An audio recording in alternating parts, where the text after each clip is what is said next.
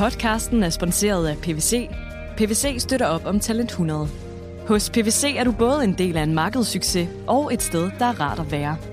Det er i samspillet mellem de to, at tilliden opstår, karrieren udvikler sig, og vi sammen skaber løsninger for erhvervslivet og for samfundet. Vil du være en del af vores stærke fællesskab i PVC, så tjek pwc.dk-karriere. Du lytter til Radio 24-7. Den originale taleradio. Velkommen til Hitlers Æseløer med Jarl Kortua.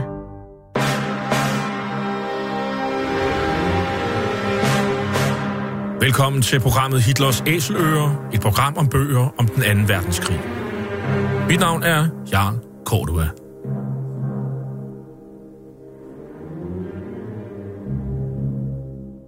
Den anden verdenskrig blev indledt den 1. september 1939 med det nazistiske Tysklands overfald på Polen. Der var tale om en racistisk erobringskrig, der kostede mellem 55 og 70 millioner mennesker livet, og hvor nazisterne systematisk myrdede jøder, romager, slaviske befolkningsgrupper, politiske modstandere og alle andre, der ikke lige passede ind i deres forestillinger om et ensartet folkefællesskab. Nazisterne de blev i årene efter krigen dømt ved krigsforbryderdomstolen i Nürnberg, og flere af deres organisationer, såsom nazistpartiet NSDAP, SS og Gestapo, de blev stemplet som ulovlige forbryderorganisationer. I denne serie, som vi har valgt at kalde for Hitlers Æsløer, præsenterer vi nogle af de mange bøger, som i disse år udkommer om den anden verdenskrig. Coming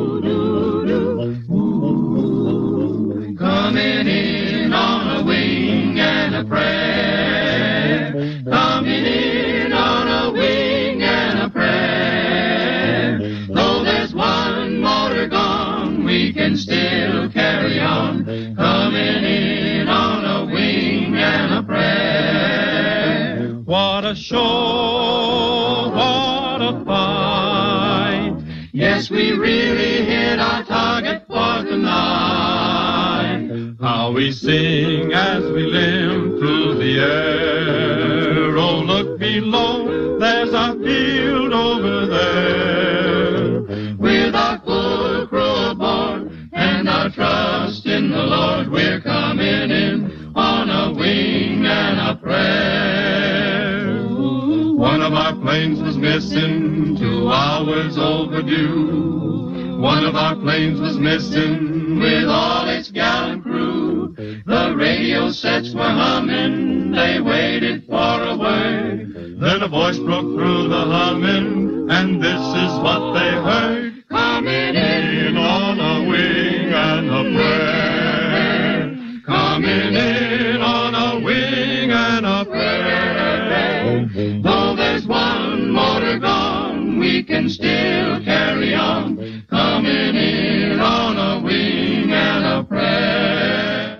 Coming in on a wing and a prayer sang amerikanske The Song Spinners i 1943, altså under 2. verdenskrig, hvor det skete, at øh, nogle allierede piloter, ja, de måtte flyve hjem på, på en vinge og en bøn, som det hed i sangen, der røg helt til tops på hitlisten det år. For piloterne og flybesætningerne skulle faktisk tit have heldet eller vor herre, eller begge dele på deres side for at overleve togterne fra England til det tysk besatte kontinent i krigen, hvor op mod 60.000 allierede flyvere og flypersonel under Royal Air Force Bomber Commands kommando satte livet til. Også 262 danskere, her er 37 kvinder, meldte sig til de allierede flystyrker under krigen. Cirka halvdelen blev på jorden, mens resten 128 kæmpede som jægerpiloter eller som del af besætningen i de bombemaskiner, der forsøgte at ødelægge Tysklands krigsindustri og blødgøre tyskernes moral. I bogen Britain's Victory, Danmarks Freedom på, på dansk, Storbritanniens sejr, Danmarks frihed, fortæller Mikkel Plantin historien om de danske frivillige i de allieredes flystyrker under den anden verdenskrig. Bogen den er udkommet på engelsk på forlaget Fonthill her i 2017. Og velkommen til dig, Mikkel Plantin. Du er til daglig kontorchef i Centraladministrationen her i København, men er altså også forfatter til denne skildring af de, de danskere skæbne, der gik i allieredes flystyrkers tjeneste under krigen. Og det var ikke bare i England, det var faktisk over hele verden i virkeligheden. Hvorfor har du skrevet bogen? Jamen det har jeg jo helt kort, fordi jeg synes, her har vi endnu en gruppe af frivillige, som fortjener at få deres historie fortalt. Ikke, ikke bare samlet, men også kan man sige, fokus på, på de enkelte personer, som, som, som, som var iblandt dem. Og det er jo ret omfattende arbejde, hvor du jo stort set har fået kortlagt øh, samtlige øh, danskere skæbne, hvis det altså har været muligt. Øh, ja, jeg har arbejdet med det en, en del år. For mange år siden besøgte jeg et lille museum i, øh, i det sydlige England, øh, og der lige pludselig stod der en, øh, en Spitfire med et dansk flag på siden, og det var en historie, som jeg ikke kendte. Øh, og øh, og det, det, det fortjent en, at blive dyrket, og det har jeg så øh, gjort siden. Øh, nogen måske, vil måske mene øh, i, i lige overvejende stor grad. Men, men, men det er blevet til bogen nu. Synes du, det har været en overset øh, historie, der ikke er blevet fortalt? Det er jo ikke så længe siden, at den, at den første sådan samlede fortælling om de, øh, de danskere, der gjorde tjeneste i de allierede styrker, øh, kom. Jakob Sørensen, som også har været her i programmet, øh, fortalt den. Øh, og, og han havde også et mindre afsnit om piloterne. Øh, så, så, så, så ja, lidt.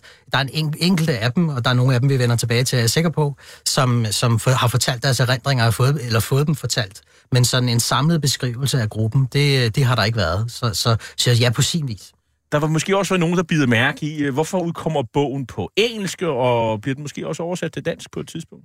Øh, du er ikke den første, der spørger. Øh, det, er, øh, det er for så vidt et tilfælde. Øh, jeg var blevet opfordret til at skrive en bog, og når man ikke sådan lige har øh, kontakter i branchen, så er det lidt svært at finde ud af, hvor man går hen. Men der var et engelsk forlag, der kontaktede mig. Øh, så det var sådan et tilfælde. Øh, men jeg er da glad for, at der er rigtig mange af de efterkommere, der er til de frivillige, som øh, ikke er dansktalende i dag. Så jeg er jo glad for at kunne fortælle dem til, til, dem, til dem også. Og så må vi håbe, at den, kan man sige, at det åbner den op for et, et større publikum, end dem, der måtte blive afskrækket af, at den er på engelsk. Mikkel Pantin, øh, det danske luftvåben, luftvåben, de når jo ikke at yde øh, luftvaffe øh, særlig meget modstand den øh, 9. april 1940. Øh, det er også der, at din bog starter. Øh, hvad er det, der sker øh, den 9. april 1940, set med sådan de luftstyrkernes øh, briller? Jamen, øh, der er det eneste sted i, i Danmark, hvor det sådan kommer til, til, til ene kamp, det er over Værløse. Øh, og, øh, og der, øh, der er man i gang med at sende øh, rekognosceringsmaskiner ud for at finde ud af, hvad det er, der foregår. Øh, og, øh, og der er et, øh, et, et fly, der er letter øh, med, med Brodersen og Godfredsen, som de hed, de to, der var i flyet, som, som letter for at rekognoscere mellem Værløse og København. Øh, de letter desværre samtidig med en større styrke af tyske fly kommer ind over og bliver skudt ned under start. Og det er sådan set øh, det er det eneste det er det eneste tab, som, som, som, øh, som, øh, som de danske flyvestyrker, det er herrens flyvertropper, der, der har den dag. Men øh, så bliver Danmark jo besat, og, øh, og så, så er der jo en, en masse danskere, der jo er øh, ude omkring. Det er jo mange søfolk, det er handelsfolk, det er folk, der er i industri forskellige steder. Øh, og så er der jo også nogle danskere, der simpelthen øh, stikker af fra Danmark for at tilslutte sig de allierede og øh, hvorfor melder de sig, og hvem er det, der melder sig? Jamen, øh, du har jo nævnt nogle af grupperne. Øh, der, der var en række danskere, der var i udlandet. Nogle af dem, fordi de havde besluttet sig for, måske kort inden krigen, at emigrere, men stadigvæk var danske statsborgere. Der er nogen, der helt tilfældigt blev fanget 9. april og ikke kunne komme hjem. Øh, og så er der søfolk, som, som jo må træffe et valg øh, der 9. april, øh, om de vil fortsætte i, øh, i, i krigstjeneste som krigssejlere. Det er der jo mange af dem, der gør, men der er også nogle af dem, der undervejs i krigen får lov at, at, at gå af bord øh, og så gå ombord i fly. Og det er nogle af dem, som, som, som vi har her. Helt, helt konkret er der jo et, et skoleskib, som er i USA, og, og der er jo faktisk en hel del, der, der melder sig. Ja, altså der er, skoleskibet Danmark er, er, er på togt og bliver jo fanget allerede ved, ved krigsudbruddet i september 39. Øh, og, øh, og, og på, det, på den 9. april, der er de sådan set på vej hjem, men, men, men besættelsen af Danmark gør, at de strander i Florida.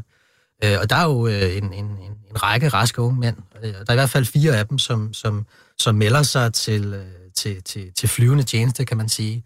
Øh, og, og de er jo også udtryk for, for det, der så sker, fordi de ender meget forskellige steder. Øh, de tre af dem end, øh, melder sig i, de melder sig alle fire i Canada, de tre til de kanadiske styrker, øh, og den, den, den fjerde til de norske, men de, men de ender helt forskellige steder i, øh, i deres indsats. Men er det sådan, at man, øh, man vågner der 9. 10. april 1940, og siger man, nu skal vi i indsats, øh, nu skal vi bekæmpe tysken, have dem jaget ud af vores land, eller vores gamle land, hvis man nu er emigreret, eller er det en, eller er det en proces, der tager tid? Øh, fordi jeg læser jo også om øh, øh en, der simpelthen melder sig på grund af, af blitzen i, i 1940, altså hvor, hvor han ser, at det indre øh, af London blev ødelagt, og, øh, og simpelthen, det er så det, der motiverer ham til at gå ind i, øh, i flystyrkerne for at bekæmpe luftwaffe? Jamen, jeg tror, der, der, øh, der er mange, der, der allerede kort efter den 9. april, øh, hvad end deres situation var, tænker, vi må gøre noget. Der beskrives også af en række af de frivillige, at, at, at at det, har de, at det har de svært ved. Det er en historie, man tit hører. Jeg tror, man, man vel må sige, at de var mange steder rundt i verden. Jeg tror, min, min, min sådan meget simple forklaring er, at jeg tror faktisk, de, de britiske myndigheder blandt andet havde lidt svært ved at finde ud af, hvad skulle de stille op med de her. Det var jo trods alt britiske styrker, man skulle melde sig til, og det var ikke normalt, at man sådan bare tog et andet lands øh, statsborgere under, sin, under sine vinger. Og det er først, kan man sige, senere i 40, at der kommer et rekrutteringskontor i London, som organiserer det vi har et eksempel, som, som, som er Jørgen Brun, som, som er en af dem, der sådan meget tilfældigt strander ude. Han arbejder i magasin i, i herreekviperingsafdelingen og er sendt på indkøbstur i London. Og han, øh, han, kommer, han kan ikke komme hjem. Øh, og han, øh, han går straks, øh, beskriver han selv, til, til, til ambassaden og tænker, jeg må gøre noget, jeg må melde mig til noget, og, så oplever ikke rigtig at få nogen hjælp. Og så arbejder han faktisk både i Harrods og i et stormagasin i Glasgow, inden han så, da der ligesom kommer momentum efter rekrutteringskontorets etablering, så, så får han mod på at melde sig igen. Og han kommer så i tjeneste og, og, og ender øh, ude i Indien. Øhm, hvor hurtigt kan man komme ind i, i Royal Air Force, eller Royal Canadian Air Force, eller hvor man nu ender hen? Jamen, øh, man kan sige, tidsmæssigt, der, så de, de første, der melder sig, melder sig sådan set allerede i 9. april. Øh, men, men, men hvis man tænker på, hvor lang tid går der fra, man, man sådan stiller sig på et rekrutteringskontor, til man sidder i en flyver, øh, så er det meget forskelligt. Øh, der var jo, øh, danskerne fulgte den træning, som man nu skulle i, i de luftrum, de, de, de nu meldte sig til. Nogle af dem kunne flyve i forvejen. Der var piloter, der, øh, der, der enten var civilt uddannet eller militært uddannet, som, som, som meldte sig. Øh, men alle skulle igennem en eller anden form for træning. Noget grundlæggende flyvetræning, som man overhovedet kunne sidde et fly noget service training, så man vidste, hvordan det var at flyve i, et, øh, i en, en militær sammenhæng, og så noget operational training, som, som, hvor man begyndte at, at lære at være i kamp. Så, så det var sådan et, et længere forløb, og der er også en del af dem, der beskriver nogle pauser undervejs. Og så var der ret beset nogle af dem, som når det kom til stykket, ikke var gode nok til matematik, eller ikke var gode nok til engelsk, så de først måtte på skolebænken af nogle helt andre grunde. En af mine favoritter med hensyn til at melde sig til, til flyvevåbnet, øh, det var, at øh, en, han sagde, at han, han ville gerne have en ren uniform, når han var i krig. Altså i modsætning til måske at være infanterist, hvor man risikerede at blive beskidt. Øh, så det der med at have en ren uniform, det var ligesom at foretrække. Det, kan du huske, hvem det er? Ja, altså det, du, du tænker på, på, på Peter Fischer, som, som, øh, som øh, er på forberedelseskursus latin og alting på, på Cambridge, da, da, da krigen bryder ud. Han, han, hans familie bor i England på det tidspunkt, og han har beskrevet over for mig, at, øh, at det vigtigste for ham, det var den her... Øh, øh, det, det var den her rene krave, og, og det skal man jo se som, tror jeg, et, et, et udtryk for, at det her, måske også billede, man havde fra Første Verdenskrig af at ligge i en, i en skyttegrav, øh, eller, eller grave dem, som man sikkert gjorde i rekruttiden, øh, det var ikke specielt tiltalende for ham. Men tanken om at, øh, at, at, at, at sidde et fly og gøre en indsats på den måde, øh, men, men også øh, vende hjem til nogle roligere forhold øh, på, på de britiske øer, når man var færdig med det, det tiltalte ham. Det var ikke, fordi han var, var sky for at komme i... Øh, kom i kamp. Han, han havde en profil, som, hvor han havde været helt oplagt kandidat til at blive pilot, men det, øh, han kunne godt indse, at han meldte sig på et tidspunkt, hvor hvis han først skulle trænes til det, så nåede han ikke rigtig i kamp, så han meldte sig som agterskytte, så han var, han var øh, sådan mere eller mindre operativ i løbet af seks uger. Det er jo populært at melde sig især til Royal Air Force. Øh, 82 øh, gør det, øh, og så er der jo så det norske flyvevåben, hvor 52 melder sig til, 58 øh, til Canada, og så er der også et, et kvindeligt flyvevåben, øh, Women Auxiliary Air Force, hvor der er 32. Mange af dem ender jo på flyverskole i Canada. Hvor lang tid skal de, skal de, skal de være, være der? Jamen, de er, der, de, er, de er der lidt forskelligt. Der er nogle af dem, der, der, øh, der, der mere eller mindre strander derovre, fordi de ikke rigtig kan komme videre, fordi på et tidspunkt, mens de er der, så, øh, så begynder tabene jo i Europa at være faldende, og det vil sige, øh, der er ikke helt så behov for helt så mange, så mange piloter. Men, men, men de er derovre, fordi man i, øh, britterne indser hurtigt, at man kan ikke på, på de britiske øer uddanne det antal piloter, som man skal bruge, eller besætningsmedlemmer. Så man er nødt til at tage sit imperie i brug, så man har flyveskoler hele, over hele verden. Så, så både i Kanada og i, øh, og i Sydafrika og i Rhodesia, det nuværende Zimbabwe, der er store øh, træningsprogrammer, hvor man efter rekruttiden bliver øh, sejlet over Atlanten, for eksempel til Kanada, øh, bliver ud, får sin, sin træning, og så bliver sejlet retur. Red leader to red 3. You've got company on your sim. This is red 3, reading you loud and clear. bus has got a line on you. Roll out hard.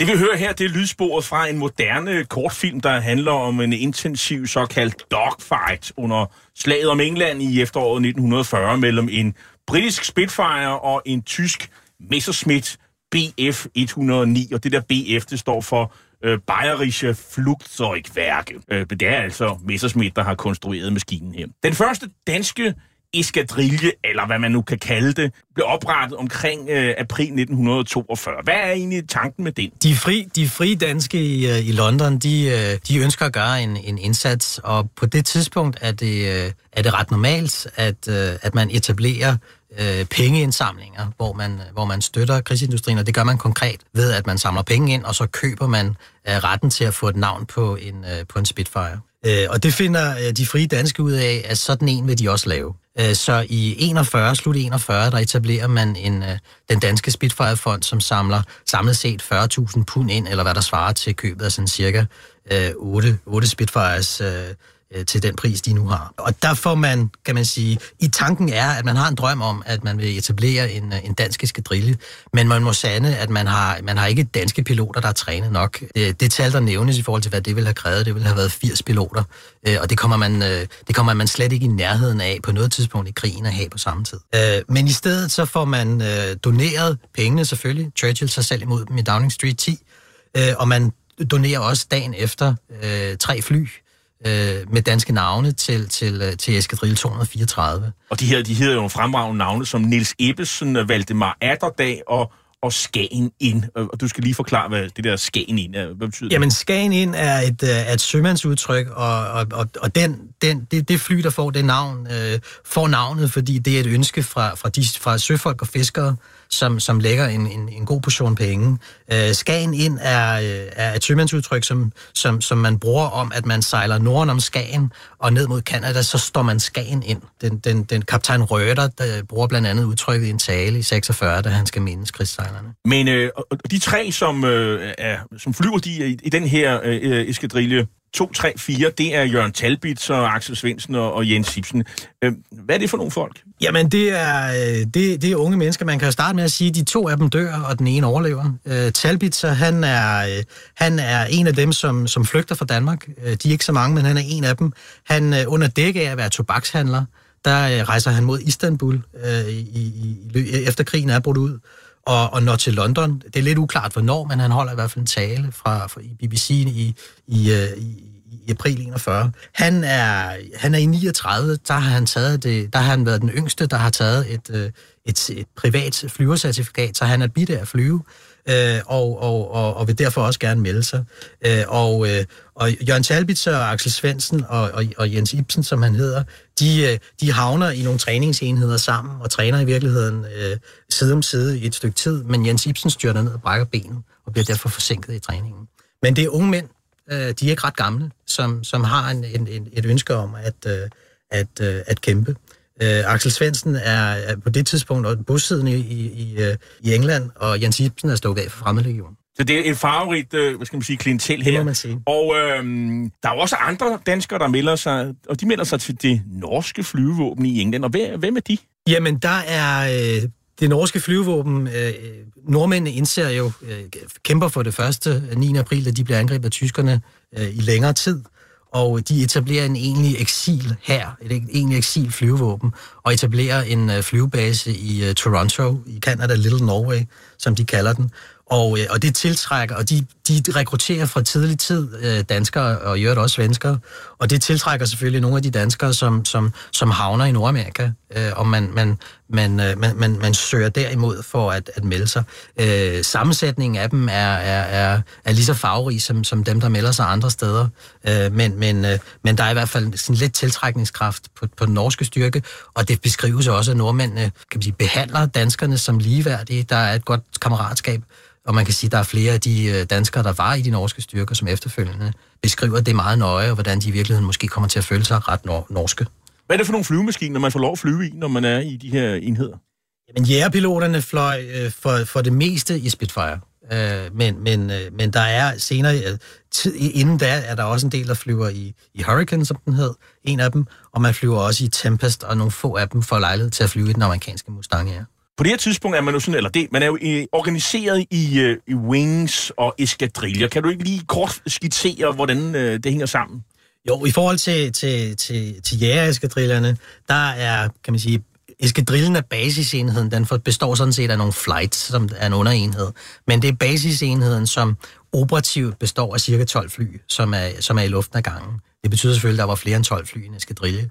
Og man, lidt afhængig af, at, hvilken operation man er i gang med, så organiserer man de operationer i måske tre, fire eskadriller, der har forskellige roller i en operation. For eksempel sådan, at hvis man eskorterer en stor øh, formation af bombefly, så lægger man sig for, på forskellige niveauer og er cover for de fly øh, på forskellige vis, men en eskadrille med hver opgave. Så det vil sige, at en af opgaverne går ud på at, og hvad skal man sige, at dække de der bombefly, der er på vej ind over Tyskland, og forsvare dem. Har man andre opgaver som øh, Spitfire-pilot?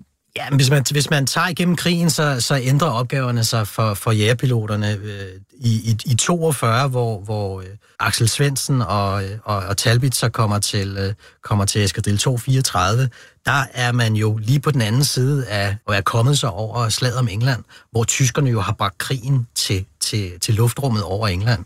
Øh, på det her tidspunkt, der, begynd, der vender det, og, øh, og, og man begynder at være offensiv. Og det vil sige, der er det Royal Air Force, der bringer krigen til luftrummet over Frankrig. Så der er det offensive operationer, hvor man, hvor man blandt andet forsøger at få jæger i luften fra de, fra de tyske flyvepladser og, og kæmpe de dogfights, som vi, som vi hørte på lydsporet før. Så er det klart, at da man så øh, begynder at, at, at bombe, øh, både i forhold til at forberede øh, invasionen i, i Nordfrankrig, eller senere strategiske bombekrig øh, over Tyskland, der handler det mere om eskortmissioner. Og til sidste krigen, der handler det meget om øh, lavtgående operationer, hvor man støtter tropperne på jorden. En af dem, vi bliver nødt til at tale om, det er jo Kai Birksted. Han er vel det tætteste, vi kommer på sådan et egentligt øh, flyver-S øh, under 2. verdenskrig. Øh, et dansk flyver-S. Øh, øh, og han øh, ender jo som wing commander og ober, oberstløjtnant. Hvad er det, han kan, og hvad er det, han øh, opnår under, under, under krigen, Mikkel Plantin? Jamen, han er først og fremmest en rigtig dygtig pilot, det tror jeg ikke, der er nogen tvivl om, og så beskrives han som en helt formidabel leder. Han, øh, han, øh, han, flygter, han flygter fra Danmark den, øh, den 16. april 1940. Han er pilot i Marines flyvevæsen, øh, og flygter, fordi han, øh, han, han gerne vil kæmpe videre i Norge. Øh, han når ikke at kæmpe, men kommer videre til England, og til sidst melder han sig i Kanada i de norske styrker. Øh, han udpeges tidligt af nordmændene til at skulle være øh, en af deres første flight leaders, da nordmændene etablerer de første eskadriller i regi af Royal Air Force. Og øh, for, for meget, meget hurtig anerkendelse. Han skyder jo en 9-10 fly ned, det er jo det, du signalerer med, med ordet S. Øh, selvom det ikke er sådan en rigtig formel betegnelse, så er det jo tit det, man bruger om dem. Øh, og, og, øh, og bliver også meget tidligt, øh, avancerer han til at være squadron leader for, for, for Eskadrille 331, og som sagt til, til Wing Commander. Og han er også, kan man sige, i, i, øh, i en tid, hvor han ikke selv er operation- operationelt flyvende, der er han tilknyttet øh, 11th Groups hovedkvarter i Oxbridge hen over D-dag, hvor han er med til at tilrettelægge øh, de øh, dagoperationerne over, øh, over D-dagen. Og det hedder sig, at han, at, at han på selve D-dag, fordi de får meget, får meget dårlig information om, hvad der foregår på stranden, der øh, tager han til den nærmeste flyveplads og tager selv lige en, en tur hen over strandene. Det er ikke dokumenteret i hans logbog, men, øh, men det skal nok være sandt. Vi skal også tale om øh, Frank Sorensen, som jo nok oprindeligt har heddet Sørensen, øh, som også er en af de her jægerpiloter, der også, får en, der også har en lidt øh, øh, spændende øh, skæbne. Vi skal lige høre ham her tale til sine gamle kammerater i Roskilde, hvor han stammer fra, og det er på en på en, en lydstum, der, har, der kommer fra en lakplade, så har lige over, lidt overbærenhed med os, fordi lydkvaliteten er ikke helt i top. Og lad mig først og fremmest tale til dem, der var drenge med mig. Kammerater i skolen og spejderlejrene. Hvem af jer ville ikke gerne flyve med mig side om side i den bedste jægermaskine, verden har set, hvis I havde chancen? Når jeg tænker på jer, ved jeg, at der ikke er en, som ikke ville tage sit ansvar og sin del af byrden og kampen for at gøre Danmark til et frit land igen. Hvem af os tænkte på den frihed, som nu er røvet fra vores land?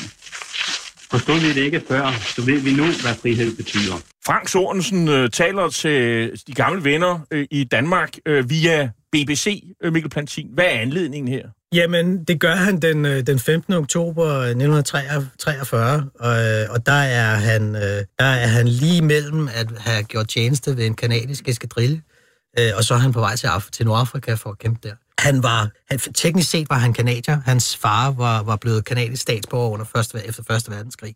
Men han var vokset op i, øh, i Roskilde, øh, og, og, og der er ingen tvivl om, at han følte sig dansk, og han beskrives også i den kanadiske drille, eskadrille som, som, som værende dansk. Øh, men han har en overlov i London, og øh, hans, øh, hans far havde gode øh, kontakter i BBC, og jeg tror, det er det, der har været med til at gøre, at han, han havde lejlighed til at tale. Men han var på vej til Nordafrika. Og, øh, og hvad, hvad, hvad, hvad blev hans skæbne under, under 2. verdenskrig?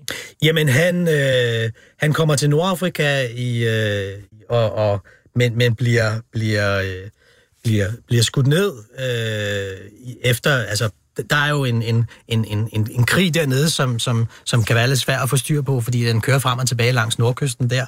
Men han, øh, han skydes ned nær, øh, nær Tunis øh, i, øh, i, i, i, i 43 og, og bliver, øh, bliver krigsfanget. Øh, og der ender han i, øh, i, den, i den kendte... Stammelager Dreje i, øh, i Polen, i det nuværende Polen, i, ja. i, i, i Niederschlesien. Det er en af de meget kendte, det er en af de meget kendte krigsfanglejre. Hvis ikke, den er, hvis ikke den er kendt, fordi man ved noget om krigsfanglejre, så har man muligvis set den film, der hedder The Great Escape, Den Store Flugt. Med så... Charles Bronson og Donald Pleasence og og, og ikke mindst Steve McQueen, der spiller baseball, øh, der hele tiden kaster med en baseballbold. Og man kan synes, at øh, filmens historie er fantastisk, men, men, men den dækker over en virkelig historie. Øh, den dækker over, at man øh, fra lejren forsøgte øh, at gennemføre en meget stor flugt i, i, i marts 44, hvor, hvor 76 øh, fanger kom ud, og hvor 50 af dem, og det er det, der gør den øh, kendt og berygte, den flugt, hvor 50 af dem bliver likvideret. Øh, og, og Frank var faktisk i tunnelen øh, på det tidspunkt, hvor tyskerne opdager den og havde også igennem den tid, han havde været der, været med til at, at, øh, at bringe jord rundt, som, som de gjorde. Men hans historie er også interessant, fordi han, øh, han har familie på det tidspunkt i Danmark og i Kanada og i London, og det, at han er krigsfangen, gør, at han som den eneste kan skrive med dem alle sammen. Og mange af de breve, som han skriver der, de eksisterer i dag, så der, der findes ret gode informationer om, hvad det var, han, øh, hvad det var, han lavede. Og han møder også et par, en, en anden dansker, som, som på det tidspunkt sidder i, i fangelejren Arne Bøge, som også er blevet skudt. Hvad bliver hans skæbne til sidst?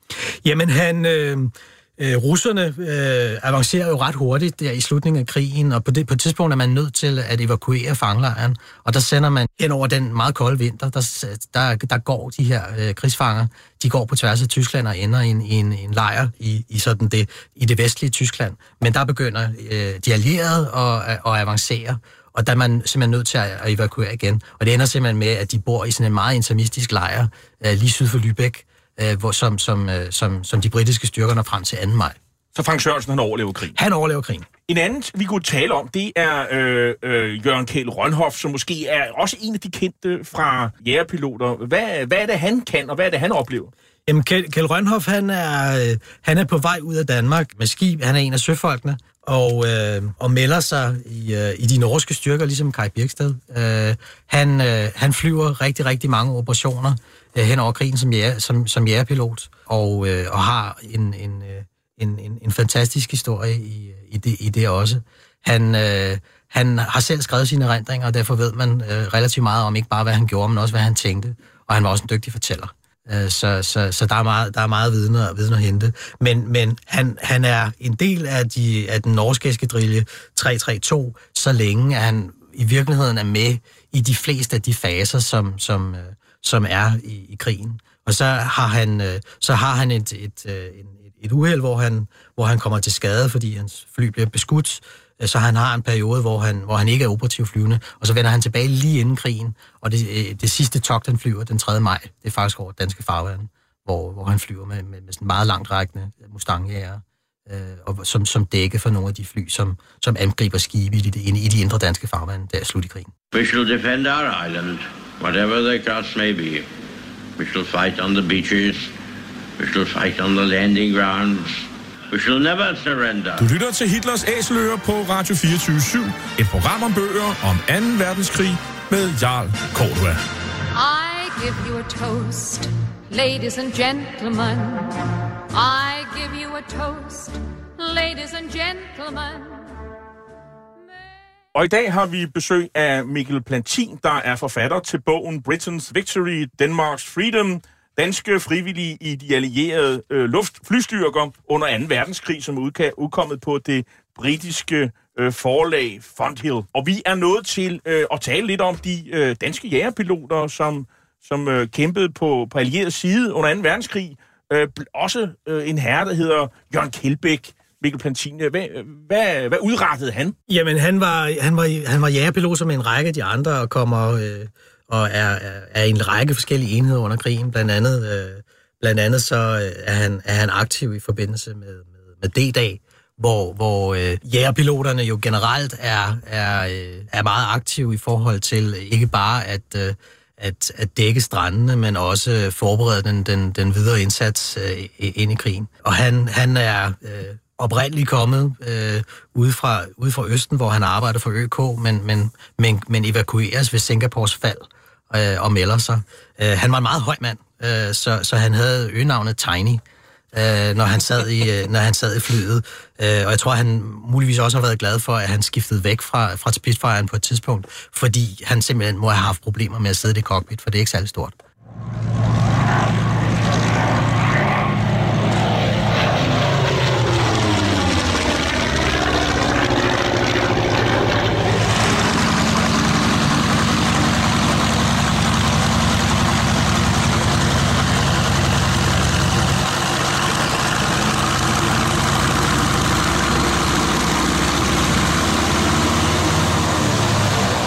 Det vi hører her, det er så vidt vides den eneste stadig flyvende originale Focke Wulf 190, som på det her tidspunkt i 1943 er det fly, som øh, britterne og vores øh, øh, danske landsmænd i allieret tjeneste øh, møder, foruden også Messerschmitt Bf 109. Det, det er de flyvemaskiner, modparten flyver i. Øhm, Focke Wulf 190 og, øh, og Messerschmitt øh, 109 er det er Spitfire'en på det her tidspunkt overlegen i forhold til øh, de flyvemaskiner, Mikkel Plantin? Kan man sige noget om det? Ja, det kan man godt. Hvis vi, hvis vi ruller tiden lidt tilbage til lige starten af 42, så får, øh, så får Royal Air Force store problemer over Nordfrankrig, da Focke Wulf 190 bliver, bliver introduceret. Fordi den version af Spitfire, som de flyver på det tidspunkt, den er den, er den underlegen.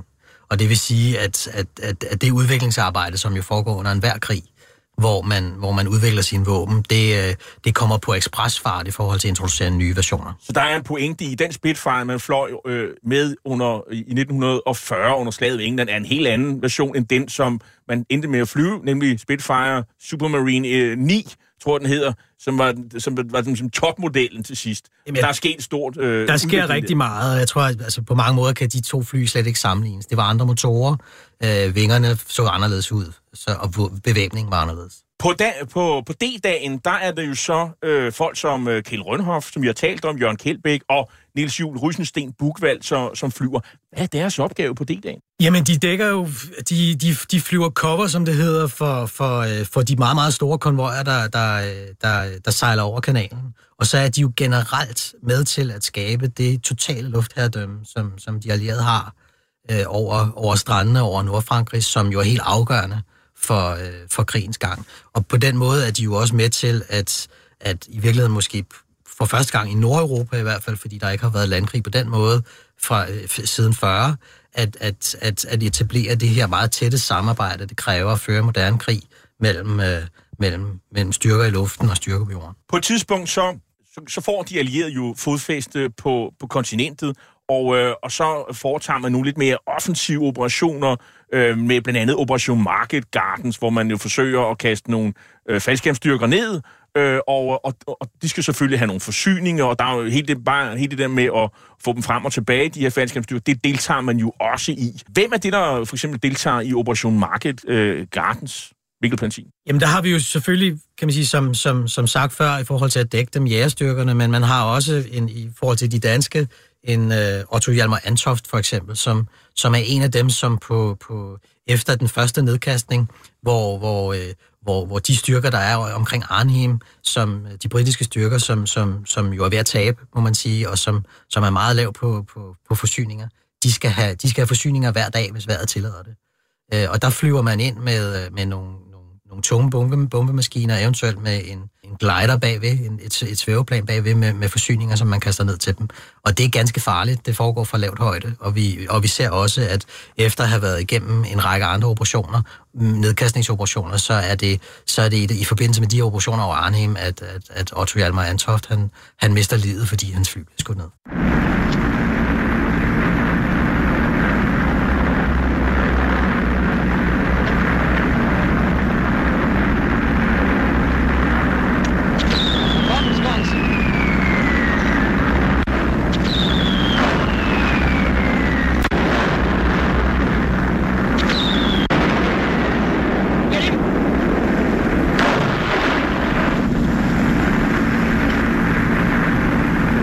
Good show. Got it right in the hole. Now for home. What's the course?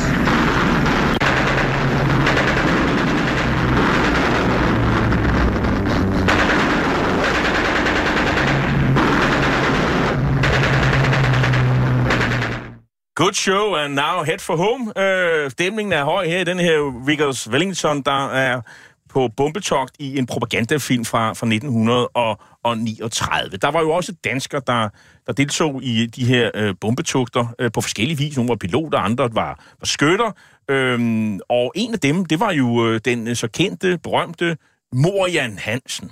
Øh, han, var, han var med fra starten af, faktisk før øh, Danmark blev besat, øh, Øh, Mikkel Plantin. Ja, altså, Morian Hansen var jo datidens svar på Ole Olsen. Han var Speedway-stjerne og, og var, var professionel kører i, øh, i England, da krigen brød ud. Og, øh, og han, han melder sig meget tidligt. Øh, jeg tror, han selv beskriver, at de i samlet trop fra VM i 39 bevæger sig imod, øh, i, øh, imod rekrutteringskontoret. Det går ikke helt så hurtigt, men han, han kan registreres, øh, det kan registreres, at han, han, han melder sig enten helt sidst i 39 eller meget, meget tidligt i, øh, i 40. Øh, og, øh, og han kunne faktisk flyve, men til at starte med, der bliver han agterskytte. Han hedder jo i, i virkeligheden øh, noget, noget... Hvad, hed- hvad hedder han egentlig oprindeligt? Jens Henning Fisker Hansen, men så blev han kaldt Morian.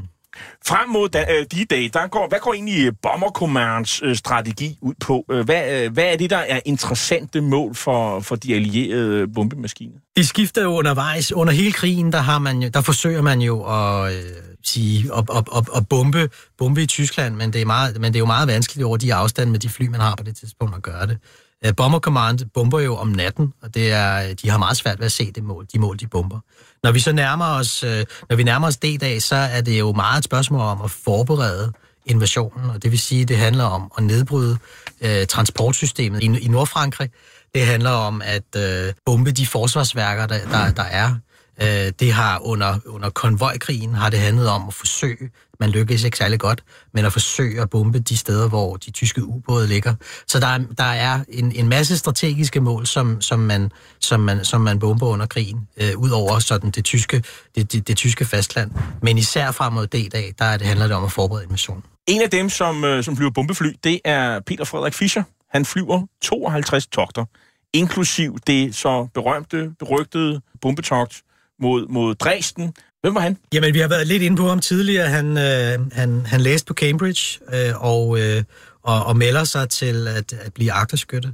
Han kommer i tjeneste der, sådan lige inden D-dag, flyver et par enkelte togter, men hans, den store stribe af togter ligger fra, fra, øh, fra lige efter D-dag og så ind til februar 45. Han var, øh, han, han var, han var studerende på Cambridge, og øh, sågar var han, var han med til at, øh, at, at sejle det, det, det klassiske race, øh, 8-race i øh, ro, roturneringen mellem Oxford og Cambridge i 42. På Thamesen, det traditionelle. Øh, men, men, men, men ender så i, i, i, i agtetårnet på en, på, på, på en Halifax eller en Lancaster-maskine, lidt afhængig af, hvornår det er.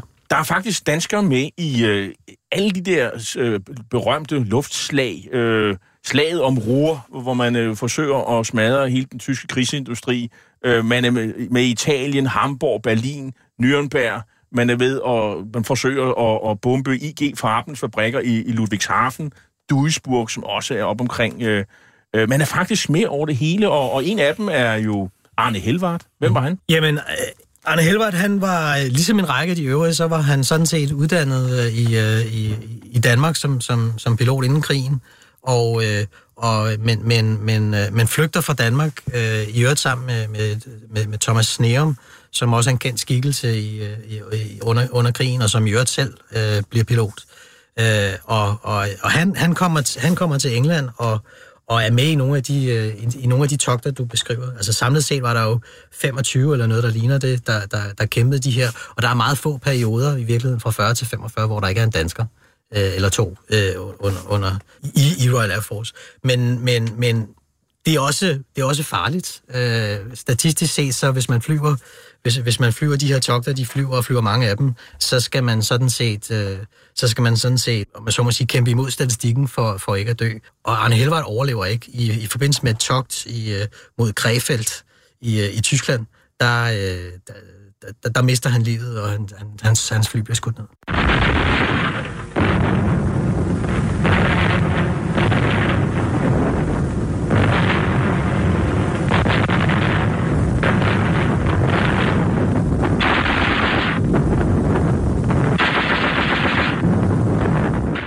Hør her tysk flak Flugabwehrkanone. Det er den berømte og ret effektive tyske 88 mm flakkanon på Vestfronten i, i 1944. En anden, man kunne nævne, det er Andreas Petersen Molt, som jo er en af de her folk fra, fra skoleskibet. Hvad bliver hans skæbne? Jamen, øh, Moltz, som, som, som hedder Andreas Petersen under, under krigen, men så efterfølgende efter krigen skifter navn, han, øh, han er ganske rigtig ombord på, på skoleskibet, og i 43, der, øh, der er, er de nogen, der tager fra skoleskibet og melder sig.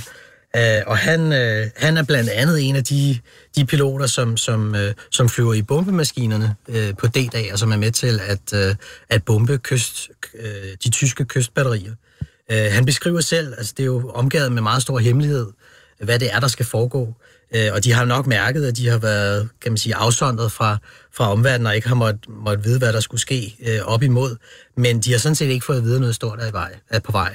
Så da, så da de flyver hjem fra det her togt, som jo for dem bare er en helt almindelig dag på kontoret, øh, der konstaterer de, at der i den anden retning flyver relativt mange øh, fly uden navigationslys på, og de kan også konstatere, at der på radaren er noget mærkelig aktivitet nede på havet.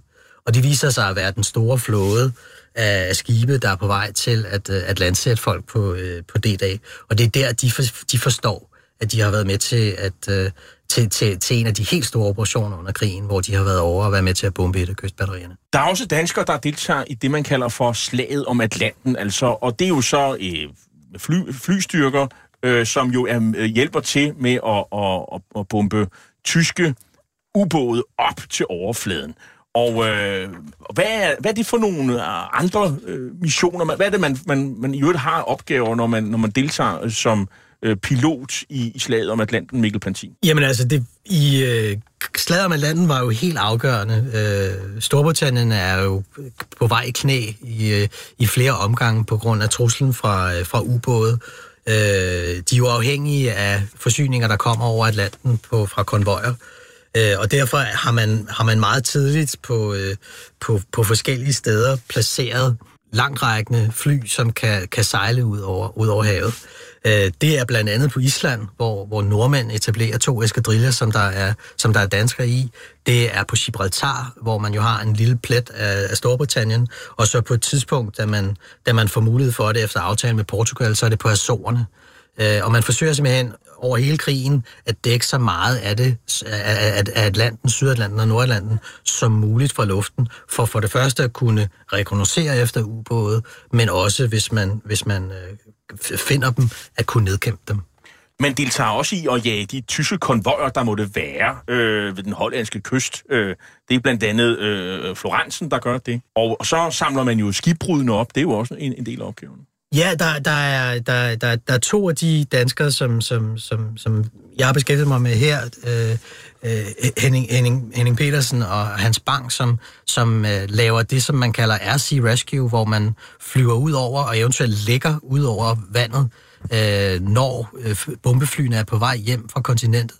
Fordi man jo godt ved, at på vej tilbage er der nogle af dem, der enten løber tør for benzin, eller er... er øh, er, er skadet på en måde, sådan så de ikke når hjem, så ligger man klar til at kunne kaste til at starte med redningsbåde ned, men, men efterhånden som man får udviklet sit udstyr, så kan man kaste decideret øh, redningsbåde ned til dem fra, fra luften. Og de flyver i, øh, i Catalina. Det der, i, i forhold til, altså Catalina bliver især brugt af, af, af, af nordmændene op fra Island. Øh, der bliver brugt forskellige fly til, til også til de her RC Rescue, men det er klart, øh, Øh, det havde sin fordel, hvis man havde et, øh, hvis man skal redde nogen fra, fra som, som, er, som er, er styrtet ned i havet, så har det jo sin fordel, hvis man kan lande på det. Og det kunne Catalinaen, og det kunne øh, den flyvebåd, som man også fløj i med senere i krigen, der hed Sunderland, som er en meget, meget stor en. En af mine favorithistorier i din bog, Mikkel Plantin, det er jo øh, Alfred Greve Fransen, der flyver i en Hudson. Og han er, så vidt, ved, øh, vidt vides, den eneste dansker, der har vundet over en tysk ubåd, og vi glæder os til at høre historien. Man skal måske starte med at sige, at han gør det ikke alene, men man har, man har i øh, september 43, der er, øh, der er tyskerne øh, voldsomt presset i Middelhavet.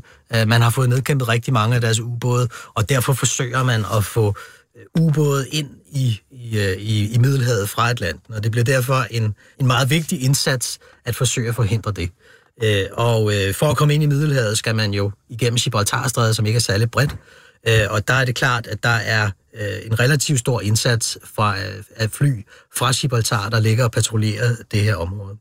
Øh, og man øh, i, i, øh, i, i den operation, hvor, hvor, hvor det lykkes Alfred Grede Fransen at, øh, at, øh, at, at få ram på en af de tyske ubåde, der jager man den ganske enkelt over flere dage. Øh, men men den, den, de er jo gode til at gemme sig, sådan nogle ubåde, de kan jo dykke. Øh, Øh, og, øh, og derfor kræver det, at man, man enten kan fange dem ved, at man, øh, man kan se dem om natten ved de lys, man har påsat på de fly, man flyver, eller at man er heldig at observere dem øh, i, i dagslys. Og så i øvrigt, når man har observeret dem, så også få, få fly frem, som, som, som kan, som kan nedfælde dem. Men i et, i et forholdsvis dramatisk angreb, hvor, hvor, øh, hvor øh, Hudson, øh, Fransens Hudson bliver ret, øh, ret voldsomt skadet, så det i virkeligheden er ret øh, heldigt, at han overhovedet når, når tilbage til basen. Der får man, øh, der får man beskadiget den her ubåd så meget. U-667. U-667. Og det finder sted den 26. september 1943. Ja, man får den beskadiget, beskadiget så meget, så den er, den, er, den er nødt til at opgive at komme ind i, i, i, i Middelhavet. Øh, der er jo også mange andre, der flyver togter, øh, bombetogter til, og det synes jeg er enormt spændende at læse om. Øh, øh, det er for eksempel øh, olieraffinaderier over i, øh, i Rumænien, som jeg aldrig har hørt om, at man har deltaget i at smadre dem, men man har øh, ødelagt sporvogns, eller undskyld, togremiser i, på Balkan, øh, til, for, fordi øh, tyskerne de flygter fra Balkan det deltager man også i. I Norditalien øh, har man øh, baser, man deltager i de norditalienske eller i feltog i Italien. Der er simpelthen ikke den, øh, hvad skal man sige, større militære operation, hvor ikke danskerne på en eller anden led er med. Det, det synes jeg er helt vildt at, at, at læse om. Øhm, men vi skal jo også en tur til, til Fjernøsten øh, fordi, og, og Stillehavet, fordi der er også nogle danskere. Der er blandt andet øh, Charles øh, Marinus Sundby. Hvad laver han derude? Først og fremmest er han flygtet sammen med Birksted i 40, og er, han, han ender så ikke i det norske luftåben, men har en periode i, i det kanadiske i Kanada. Men i 42, der øh, får han ansættelse i virkeligheden i et privat flyselskab, et øh, privat kinesisk flyselskab, som, som Pan Am ejer en del af.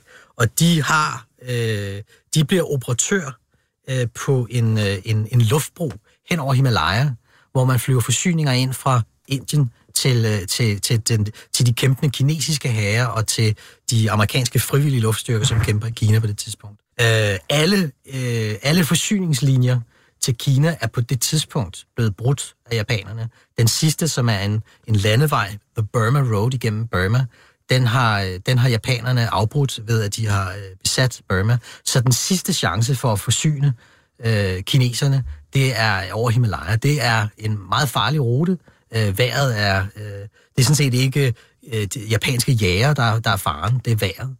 Øh, og og øh, Sundby, han flyver noget, der ligner 600 gange hen over Himalaya med forsyninger den ene vej, og så tager man øh, sårede soldater øh, fra Kina øh, til Indien den, den anden vej. Og det er første gang i, øh, i krigshistorien, at man har en hel hær, man forsyner via luften på den her måde. På den måde skaber det skole for de strategiske luftbroer, vi ser øh, og har set siden. Her til så skal vi også øh, tale bare kort om de øh, også danskere, som hjalp på, på, på jorden med at være mekanikere og andre ting, og teknikere osv. Og, øh, og så var der kvinder. Der var jo kvinder, der også fløj. Blandt andet øh, Vera Elise Strodel. Ja, øh, Vera Strodel, hun, øh, hun er kommet til England. Øh, hun er faktisk født i England, men har, er, er vokset op i Danmark og er kommet, er kommet til England og er meget, meget flyinteresseret og vil flyve og arbejder i, i for, for forskellige flyselskaber inden, inden krigen. Men hendes rolle under krigen bliver som civilpilot at flyve rundt med fly mellem flyvepladser fra producenterne ud til enhederne. Der etablerer man en hel organisation med civile piloter på det tidspunkt, Air Transport Auxiliary, som, som sådan, at man ikke behøver at bruge sine, sine krigstrænede piloter til, til den opgave, men har andre, øh, andre folk til det. Der er flere danskere, øh, der, der har den rolle, men, men, men, øh, men hun er en af de i virkeligheden relativt få kvinder, der får den. En anden, man kunne tale om, det er Kathleen Mary Frank. Hun var modelbygger. Ja, altså når man skal finde ud af, hvad man skal, hvad man skal bombe fra luften, så er det rart at kunne se det for sig. Og, og derfor har man en, øh, en hel enhed i England, som, som bygger modeller. Øh, for eksempel bliver der jo bygget model af, af, Shellhuset og, og andre bombardementer, eller andre bombemål. Øh, og der har man folk, der kan sådan noget med at bygge og er kunstneriske øh, ansatte til at bygge de her modeller. Hun er en af dem. 34 danskere omkom i allieret tjeneste i, eller i, allieret allierede flystyrker. Øhm, hvad betød deres indsats øh, for Danmarks status som allieret? Mikkel plantin? Altså, det er jo nok svært at gøre op, og det er jo også noget, der til stadighed debatteres. Øh, jeg, jeg, jeg, jeg håber, at, at, øh, at de var med til at, øh, at etablere den der kan man sige, bevidsthed i, øh, i England om, at, at, at, at Danmark ville gerne den allierede sag. Øh, og det er jo også derfor, at det, at det danske råd ønsker at gå den vej, og det er jo også derfor, at mange af dem melder sig. Øh, de kæmpede jo på mange måder for Danmarks frihed. Det var jo ikke direkte, de var involveret i det, men, men, men de viste jo i hvert fald, at vi havde øh, en, række, en, en række unge mænd og kvinder, som, som, øh, som ville kæmpe. Og man kan sige, at du har i hvert fald været med til at give dem et, et, et varigt mening i kraft af den her bog, Britain's Victory, Denmark's Freedom, Danish Volunteers in Allied Air Forces During the Second World War, der er udkommet på forlaget Fontil. Tak skal du have, Mikkel Plantin. Hitlers æsler er slut for i dag. I teknikken sad Jens Marot, og jeg hedder Jarl Kordua og er vært og tilrettelægger af programmet. Du kan genhøre dette program og de andre programmer i serien som podcast via radio247.dk. Vi slutter med musik øh, med Royal Air Forces March. Tak for i dag.